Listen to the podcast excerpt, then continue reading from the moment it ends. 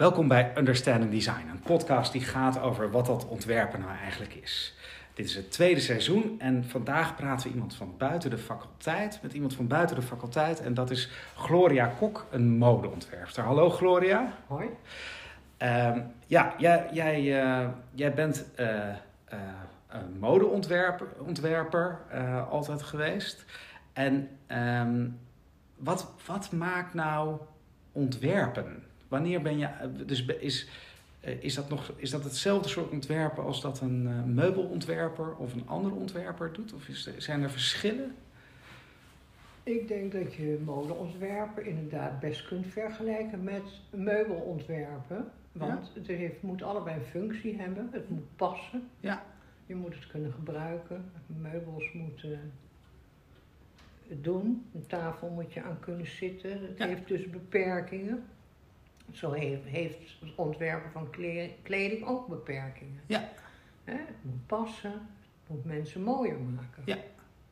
En dan, en dan nog verder, weet je, als je het dan hebt over machines of over, over, eh, of over eh, elektronica, is dat, is dat ook, zit dat ook allemaal in hetzelfde wereldje? Dat vind ik wel. Ik, Ja? Vroeger vonden mensen, zeiden dan tegen mij dat ik vreselijk creatief was.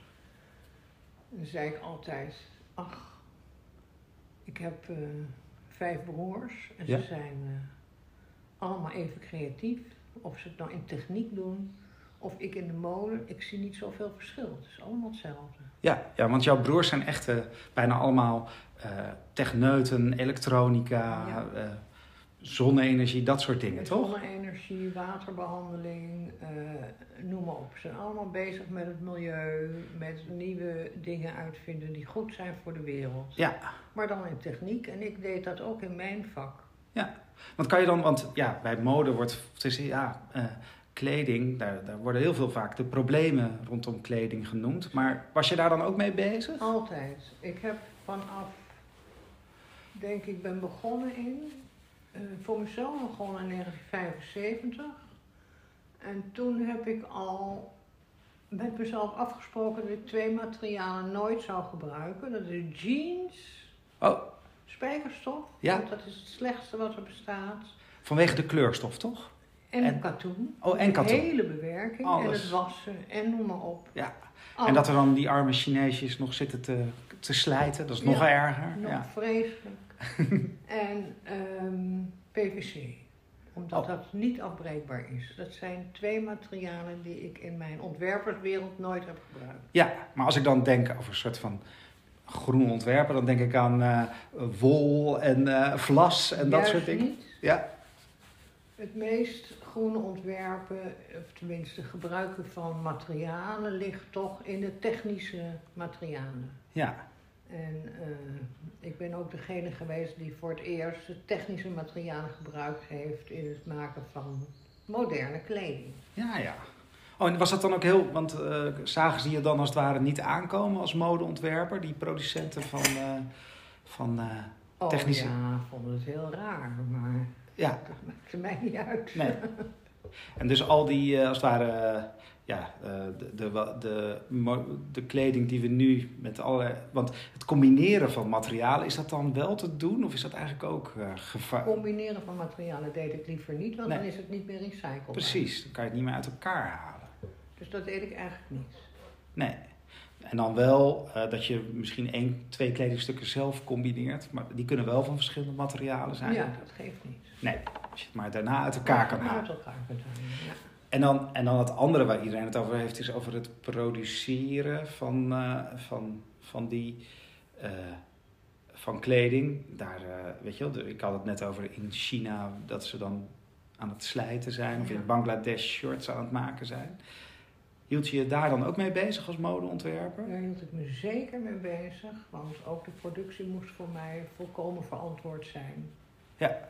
En eh, ik ging ook vaak eh, zelf kijken en eh, zorgen ervoor dat die mensen die ons kleding maakten, dat die het goed hadden. En dat ze mochten van mij bijvoorbeeld ook alles leren wat ze wilden. Daar kregen ze geld voor. Dus eh, Ja, Ik ja. wilde Want, graag dat ze Engels leerden, zodat ik met ze kon communiceren. ja, Maar als ze Engels leerden, dan konden ze ook weer een stap verder maken in hun eigen leven. ja, ja, wat grappig. Want dat is de, ik weet niet wie dat nou gezegd had, maar van je moet de, je werknemers zoveel leren dat ze nuttig blijven, maar ook eh, nee, dat- ze zoveel leren zodat ze makkelijk iets anders kunnen gaan doen en zo Ja. goed behandelen dat ze bij je blijven. Ik weet niet wie het gezegd heeft, Ja, maar ja, nee, maar dat was zeker mijn visie ja, op werknemers. Ook in Nederland, maar ook in het buitenland.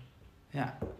En dan, ehm, eh, de, maar als je dat, wat ik kan me voorstellen, hoe kan je dat allemaal in de hand houden? Want dan moet je dus ook de, de logistiek en dat soort dingen. Want ja. je moet, die mensen moeten ook de hele tijd aan de gang blijven, want anders werken ze weer voor. is- Dan heb je geen werk voor. ze. ja, nee, daar moet je voor zorgen. En eh, dat betekent dat je ook niet te groot kunt worden. Oh ja, Want anders dan moet je dat overgaan laten aan andere mensen ja, die altijd compromissen maken in deze filosofie, wat voor mij niet mocht. ja. Ja, dus dan moet je elke keer alles in de gaten houden. Echt alles zelf controleren. Dus dan gaat het niet alleen maar meer over het mooie tekeningetje en over het kleurtje Nee. en over hoe het eruit ziet. Nee, En dat gaat zelfs tot aan, het, aan de verkoop aan toe. Want, tot aan de verkoop aan toe. want je bent op een bepaald moment ook zelfs je eigen winkelketen begonnen. Klopt, ja. En dan moet je daar ook de inrichting van doen en dat soort. Ja. En de werknemers. Ja, en de filosofie overbrengen. Hè? Ja. Zoals eh, moest ik ze leren dat voor, voor mij was een klant geen koning. Oh, nou, dat is leuk. Ja, Ja. daar hou ik van. Waarom niet? Nee, een klant is net zoals jij. Oh, oké. Behandel je klant als je beste vriendin. Ah, Want ja. daar mag je tegen zeggen als ze iets doet wat jij niet goed vindt. Oh ja, anders Dat krijg je de, tegen een klant ook. dus net als de kleren van de keizer. Dat je, Ja. niet, eh, dat je niet zegt Ja. als ze helemaal niks aan hebben dat het toch leuk Ja. is. Ja. Oh, oké. Ja, We hadden ook veel klanten die te veel eisten. En voor mij mocht je dat gewoon zeggen. oh, van u wil te veel. Ja, Ja, en ook eh, eh, misschien een stukje dat je, eh, dat je je klant ook wat kan leren. Dus uitleggen. Of, of was dat nou, niet? dat was niet mijn doel. Nee. maar als we naar vroeger moesten ze wel over ieder kledingstuk en iedere stof uit kunnen leggen. Wat, waar het vandaan kwam, waarom het gekozen was, Ah ja. wat de milieuwaarde was van die stof. Maar het werd je niet eh, in de strot ge... Nee. Maar we hebben het dan ook over, ik denk zo, eh, het, begon, het is de eerste winkel zoals zo'n 20 jaar geleden geopend Ja, zijn. die is 95. Ja, dus 25, 26 jaar geleden. Ja. Dus toen was ook niemand, het is de niemand. Mensen waren er toen nog niet zo mee bezig. Nee, maar het woord maatschappelijk verantwoord ondernemen bestond nog niet. Nee. En toen deed het al wel. Toen deed ik het al wel. Ja. Nou, ja, fantastisch. Eh, eh, en, en als we nu. Dus. eh, maar dat betekent dat als je heel veel je op de hals jaagt, dan, dan komt er ook veel meer bij kijken. En eigenlijk bij jouw broers is dat ook zo? Als Ja, dat is ook zo. Ja. die, die, die komen dan met een ideetje, maar dan wordt het veel groter. Ja. En wanneer zijn zij nou. wanneer kan je, als je ze bezig ziet, en ook misschien als je jezelf bezig ziet, wanneer ben je nou meer gewoon problemen aan het oplossen en wanneer ben je echt aan het ontwerpen? Of zit dat, loopt dat door elkaar? Ja, echt aan het ontwerpen was ik altijd gewoon. Ik reisde veel als ik in een stad liep, Ja? ergens of waar dan ook liep. En ik zag iemand. Oh, Ik zag iemand en dan kreeg ik een idee van, oh, dat kun je ook zo doen en dat, daar kun je dat mee doen en daar kun je gewoon een hele collectie omheen bouwen. dus dan was je eigenlijk een soort van aan het stelen op straat. Je was aan het stelen op straat en dat ging niet om het exacte. Nee, maar de stelen. gedachte. Het ging om. Ja, nee, ook niet om de gedachte. Het ging om een visueel beeld Ja. waar je opeens iets veel breders bij ziet. Hm. En dat visuele beeld, ik had altijd een boekje bij me, dat noteerde ik dan even. Ja. En daar kon ik eindeloos op door. Ah, dat is grappig. Ja. En dat, en dat gebeurt eigenlijk alleen maar als je eh, ja, bijna in een stad woont. Dus in, in, loopt, als je in de drukte bent. Eigenlijk gebeurt het bijna alleen maar als je in de drukte bent. Ja. Want je woont op het platteland en Ik eigenlijk woon op altijd. het platteland. Ik heb altijd op het platteland gewerkt, vond ik ook heerlijk. Maar ik ging wel heel vaak naar steden toe. Ja, zeg maar één week per maand was ik toch aan het reizen. Maar misschien is dat een beetje als een soort museumbezoek, weet je wel? Dat je... Ook, ja, ja maar in, ook in bijvoorbeeld waar ik altijd naartoe ging was de Biennale Oh, in, in eh, Venetië. Venetië, ja. En ook daar, door sommige kunstwerken, kreeg ik opeens dat idee. Ja. Die konden mij zo raken dat ik het idee kreeg om, oh, zo moet ik verder. Zo moet je verder. Ja, en, dat, en dan dat ging niks natuurlijk... te maken met stof of met... Nee, Het kon een beeld zijn of een schilderij of een... installatie. In, ja, dus, En dan ook eh, waarschijnlijk het kledingstuk wat daar dan, of de collectie die daaruit komt, die kan de gewone eh, eh, bezoeker van je winkel niet terugleiden naar dat beeld Nee, waarschijnlijk, toch? absoluut niet. Nee. Nee. Ja. nee. Dus dat is de. Opeens een gevoel wat opkomt, wat... eh, En heb je het idee dat dat bij jouw broers dan ook zo werkt? Dat, het is de, of dat, die dan ook zo'n soort. Wat je eigenlijk omschrijft is inspiratie, weet je? Nee, ik denk dat bij mijn broers het meer werkt dat ze dus een probleem tegenkomen Ja. in werk. Daar een oplossing voor moeten verzinnen. En in die oplossing een totaal andere kant op kunnen gaan. Oh ja, dus dat ze, waar, waar heb je dit nou weer vandaan?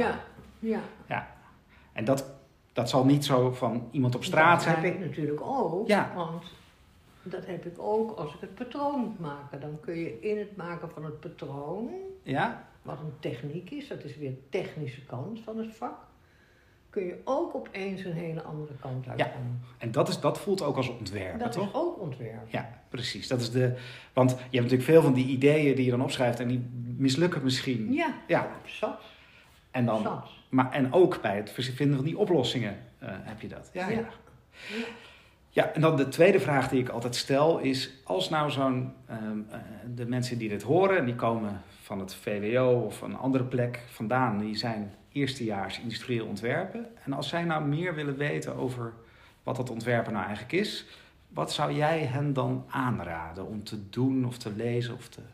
Nou, ja, je, ik, ik vind als ontwerper moet je gewoon een kijker zijn. Ja, Of dat nou techniek is, of ehm, iets wat mooi is of lelijk of weet ik wat. Je moet gewoon een, kijker zijn. En, maar ja, je kan niet kijken als je niet weet waarnaar je moet kijken, toch? Of, of, eh, Ja, maar Ja. als je niet weet naar, naar je moet kijken, dan geloof ik nooit dat je een behoorlijk ontwerper bent. ja, precies. Ja. Nee, maar je kan wel, als de- er zijn meer mensen die dat aanraden, maar het kanaliseren van je kijken helpt. Want zoals jij, mensen op straat, dat als, ging je dan... als het je vak gaat worden, Ja. dan ga je natuurlijk steeds meer gekanaliseerd kijken. Ja, en dan mis je ook veel eigenlijk. En eh, mijn eh, man, die ook ontwerper was, Ja, een kunstenaar, die zei bijvoorbeeld altijd: Je kunt pas een stoel ontwerpen als je er duizend gezien en geprobeerd hebt. ah, ja, ja.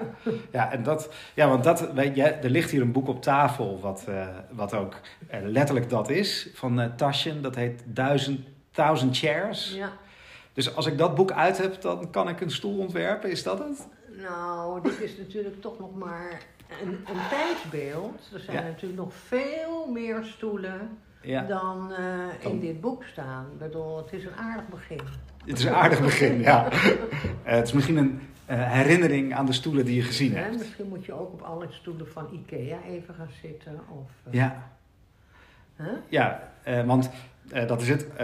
duizend stoelen zien is misschien niet het plaatje zien, maar ook echt een pakken en erop zitten. de mooiste stoel die ik in huis heb, die staat er niet in. Nee, Die van Jean Prouvé. ja, Een technische stoel. heel technisch met allemaal rollen, dingen Ja. en Ja. ja. Ja. Ja, dus wat, maar, eh, eh, eh, en waarom dan bijvoorbeeld, ja, dan had jouw man het over stoelen, maar wat is dan, is een stoel dan een speciaal soort ontwerp of is dat... Nou, eh, een stoel heeft natuurlijk gewoon die grote beperking. En het is heel goed om te leren ontwerpen in een hele grote beperking. ja, ja, ja. Dat, eh, Mijn in die grote beschrenking- nachtmerrie was bijvoorbeeld altijd dat ik alleen maar bikinis mocht ontwerpen. Ja, dat is een beperking. dat is Dat is de grootste beperking die er is. Ja. Maar was het dan goed geweest als je heel veel bikinis had ontworpen? Nee, toch? Ik denk het niet. Nee. nee. nee, het was ook niet mijn aard. Ik Nee. heb toch meer vrijheid nodig. Ja, nee, maar dus, want wat jij omschrijft in de beperking, eh, dus in die beschränking zeigt zich der Meister, Ja, wordt dan gezegd. Dat is wat je eigenlijk suggereert Ja. van. En zo'n stoel, eh, ja, wat zijn die beperkingen? Dat je erop moet zitten, toch? Dat het goed zit, dat je erop moet zitten.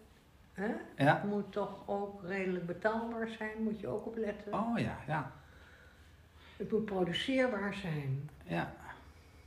Te, Ja, dus daar komt eigenlijk alles ja, wel samen. ja, Ja, ik, eh, de, in, de, in de architectuur, eh, want waar, waar de raakvlak van architectuur en industrieel ontwerpen, daar zit die stoel, heeft ook een belangrijke rol. een hele belangrijke rol. Ja, Want de meeste ontwerpers zijn begonnen als eh, meubelontwerpers bij hun gebouwen. Ja. Want is deze, die stoel waar jij het over had, de, eh, Jean Prouvé is de ontwerper van de lelijke eend, van de Deux Chevaux. Oh, en die heeft dus ook een, een, Ja. echt een, een luxe stoel ontworpen. Ja, ja, En dat is wel mooi, want de stoelen van de, de Chevaux zijn ook heel lekker. Ja. Maar hij heeft ook de buitenkant ontworpen Ja. ervan. de hele Deux Chevaux heeft Ja. hij ontworpen. Fantastisch. Het was eigenlijk een staalconstructeur. Oh, oké. En die is dan daarna een stoel gaan. Ja, Ja. Ja wat fantastisch. Oké, nou ja, bedankt voor, je, voor dit idee van eh, het bekijken van die stoelen. Ik zal de link naar die stoel ook in de beschrijving zetten. Ja. En naar die duizend stoelen van Taschen. Maar eh, waarschijnlijk heeft iedereen die nu om zich heen kijkt, heeft al vier of vijf stoelen. Ik weet, op de faculteit hebben we één kamer en er staan allerlei verschillende stoelen in. Die is ook leuk. En er is bij Bouken is een, heel, is een mooi archief van eh, stoelen die je ook kan bezoeken. Ja. Dus dat zijn voor, de, voor de studenten leuke beginsels. Ja. Bedankt. Jij ook.